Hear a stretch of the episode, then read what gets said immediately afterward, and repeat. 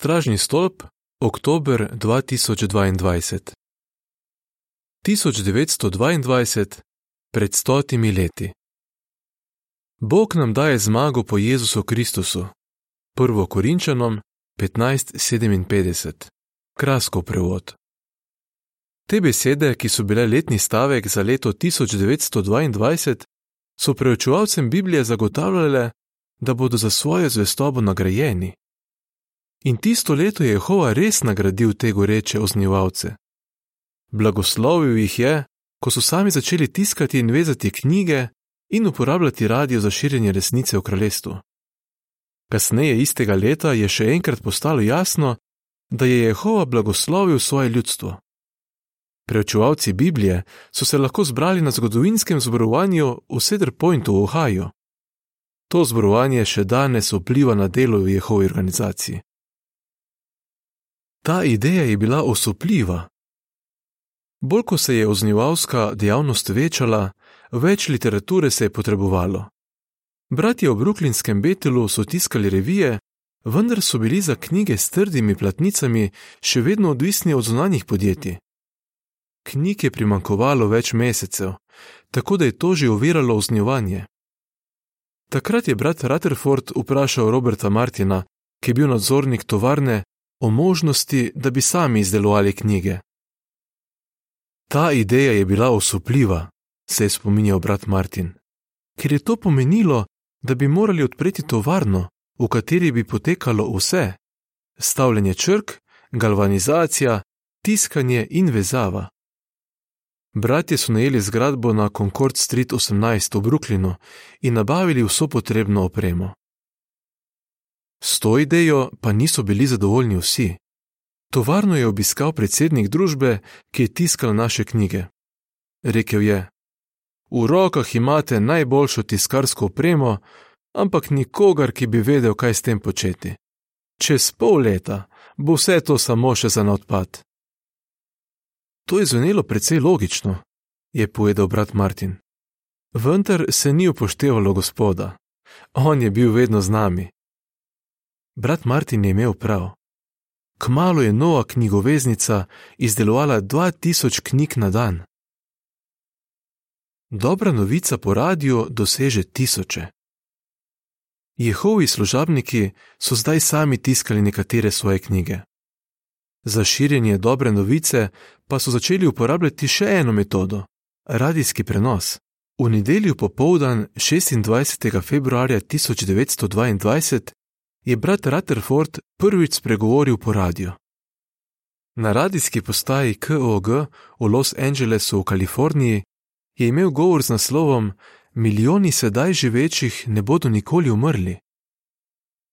Govor je slišalo približno 25 tisoč ljudi. Nekateri so poslali zahvalna pisma. Eden od njih je bil Willard Ashford, ki je živel v Santa Ani v Kaliforniji. Brata Rutherforda je pohvalil za zanimiv in spodbuden govor. Napisal je še: V naši hiši so bili trije bolni. Razen po tem sredstvu vas ne bi mogel nihče od nas slišati, tudi če bi vaš govor potekal v sosednji ulici. V naslednjih tednih je bilo še več prenosov po radiju. V stražnem stolpu je pisalo, da je do konca leta najmanj 300 tisoč ljudi slišalo sporočilo po radiju. Dober odziv je preučevalce Biblije spodbudil, da so zgradili lastno radijsko postajo na Staten Islandu, nedaleč od Brooklynskega Betela. V naslednjih letih so preučevalci Biblije s pomočjo te postaje, dvojni v BBR, sporočilo o kraljestvu ponesli daleč naokoli. ADV V stražnem stolpu 15. juni 1922 je bilo objavljeno, da bo od 5. do 13. septembra 1922 organizirano zborovanje v Cedar Pointu v Ohaju.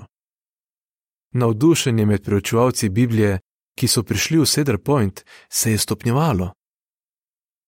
V uvodnem govoru je brat Rutherford povedal nozočim: Popolnoma sem prepričan, da bo Gospod blagoslovil to zborovanje in poskrbel za pričevanje, kot ga še ni bilo na zemlji.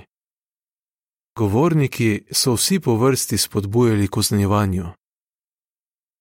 Na to je v petek, 8. septembra, kakih 8000 obiskovalcev napolnilo dvorano in željno pričakovalo govor brata Rutherforda. Upali so, da bo pojasnil pomen črk ADV, ki so bile natisnjene na vabilih. Ko so se usedli na svoje mesto, so nekateri gotovo opazili veliko platneno rolo, ki je bila obešena nad odrom. Artur Klaus, ki je na zborovanje pripotoval iz Tulse v Oklahomi, je našel sedež, z katerega je lahko dobro slišal.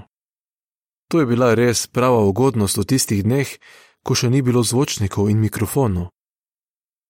Da se ne bi motilo programa, je predsedujoči objavil, da med govorom brata Rutherforda nihče od tistih, ki zamudi, ne bo mogel v Durano.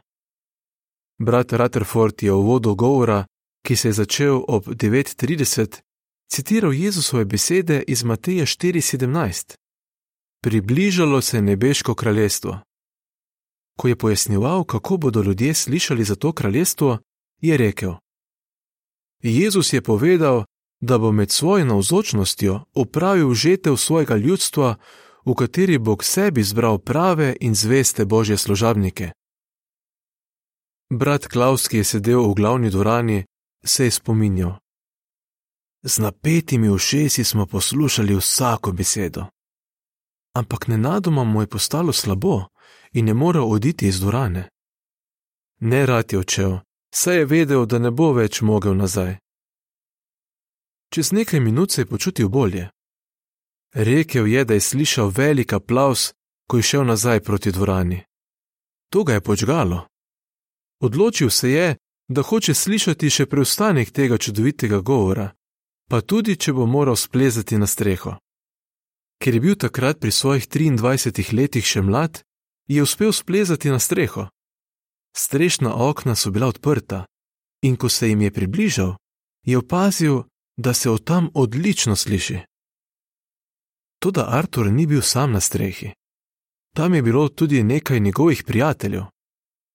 Eden od njih je bil Frank Johnson, ki je stekel k njemu in ga vprašal: Ali imaš pri sebi kakšen oster žepni nož? Ja, imam ga, je rekel Artur. Pa ti si odgovor na naše molitve, je odvrnil Frank. Ali vidiš to veliko rolo? To je transparent, ki je privezan na te žeblje. Dobro poslušaj sodnika. Ko bo rekel: Oznanjujte, oznanjujte, prireži te štiri vrvi. V podčrtni opombi piše: Bratu Rutherfordu so včasih rekli sodnik, ker je občasno upravljal delo sodnika v ameriški zvezdni državi Missouri. Konec podčrtne opombe. Artur je z nožem v roki z drugimi čakal na signal. Kmalo je brat Rutherford prišel do vrhunca svojega govora. Na krilih čustev in gorečnosti je verjetno skoraj upil: Bodite zveste in prave priče za Gospoda. Bojujte se, dokler ne bo odstranjena vsakršna sled Babilona. Razglasite sporočilo po dolgem in počes. Svet mora vedeti, da Jehova je Bog in da Jezus Kristus je kralj kraljev in gospod gospodov. To je dan vseh dni. Glejte, kralj vlada. Vi ste njegovi glasniki. Zato oznanjujte, oznanjujte, oznanjujte kralja in njegovo kraljestvo. Artur je povedal, da so prerezali vrvi in transparence je lepo razvil. V skladu s črkami ADV je na njem pisalo: Oznanjujte kralja in kraljestvo. Angliško: Advertise the King and Kingdom. Pomembno delo. Zborovanje v Cedar Pointu je bratom in sestram pomagalo, da so se osredotočili na to, kako pomembno je oznjevati kraljestvo. Marsikdo je z veseljem sodeloval. Niki Kolporter, zdaj se imenuje Pionir, iz Oklahome je napisal: Oznjevali smo na rodarskem področju, kjer je bilo veliko revščine.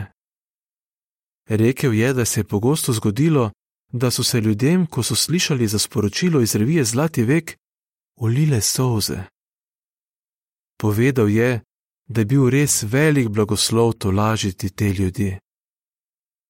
Ti preučevalci Biblije so se zavedali, da se je treba takoj odzvati na Jezusove besede iz Luka 10:2. Žetev je res velika, delavcev pa malo. Ob koncu leta so bili bolj kot kdaj prej odločeni, da bodo oznivali kraljestvo daleč naokoli. Sledi dodatno gradivo. Oznanjevanje vsemu svetu. Preučevalci Biblije so 26. februarja 1922 sodelovali v vsesvetovnem oznanjevanju. Po vsem svetu so organizirali posebne shode, na katerih so lahko zainteresirani ljudje prisluhnili govoru: Milijoni sedaj živečih ne bodo nikoli umrli. Govor je bil preveden v vsaj 33 jezikov. V stražnem stolpu je pisalo, da je imel ta govor skoraj vsak brat, ki je lahko imel javne govore. Preučevalci Biblije v Veliki Britaniji so organizirali 306 shodov in obiskalo jih je 67 tisoč 10 ljudi. V Belgiji, Franciji in Švici je takšne shode obiskalo več kot 15 tisoč francosko govorečih ljudi. Ko so preučevalci Biblije videli, kako pozitivno so se ljudje odzvali, so v tistem letu organizirali še več dni vse svetovnega oznivanja. 25. junija, 29. oktobra in 10. decembra. Konec članka.